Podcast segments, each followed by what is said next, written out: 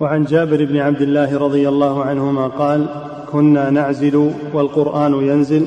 قال سفيان لو كان شيئا ينهى عنه لنهانا عنه القرآن. وهذا أيضا يؤيد ما سبق أن الرسول صلى الله عليه وسلم لم ينهى عنه لم ينهى عنه ولم يقل لا تفعلوا. وإنما بين صلى الله عليه وسلم أنه لا يمنع القدر ولا يمنع الحمل إذا قدره الله. عز وجل. فهذا يؤيد الحديث السابق عن جابر رضي الله عنه قال كنا نعزل والقرآن ينزل.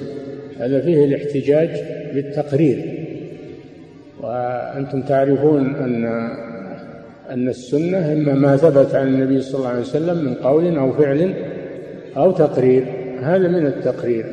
وكون القرآن ينزل وهم يعزلون ولم ينههم دليل على جوازه.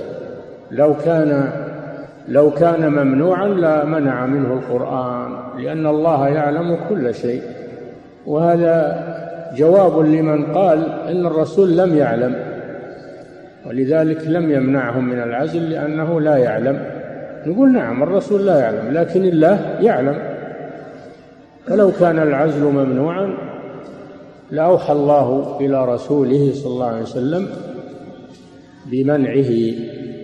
إذا فالعزل جائز ولكنه لا يمنع من قدر الله سبحانه وتعالى ولا بد أن يكون برضا الزوجة لئلا يجحف في حقها.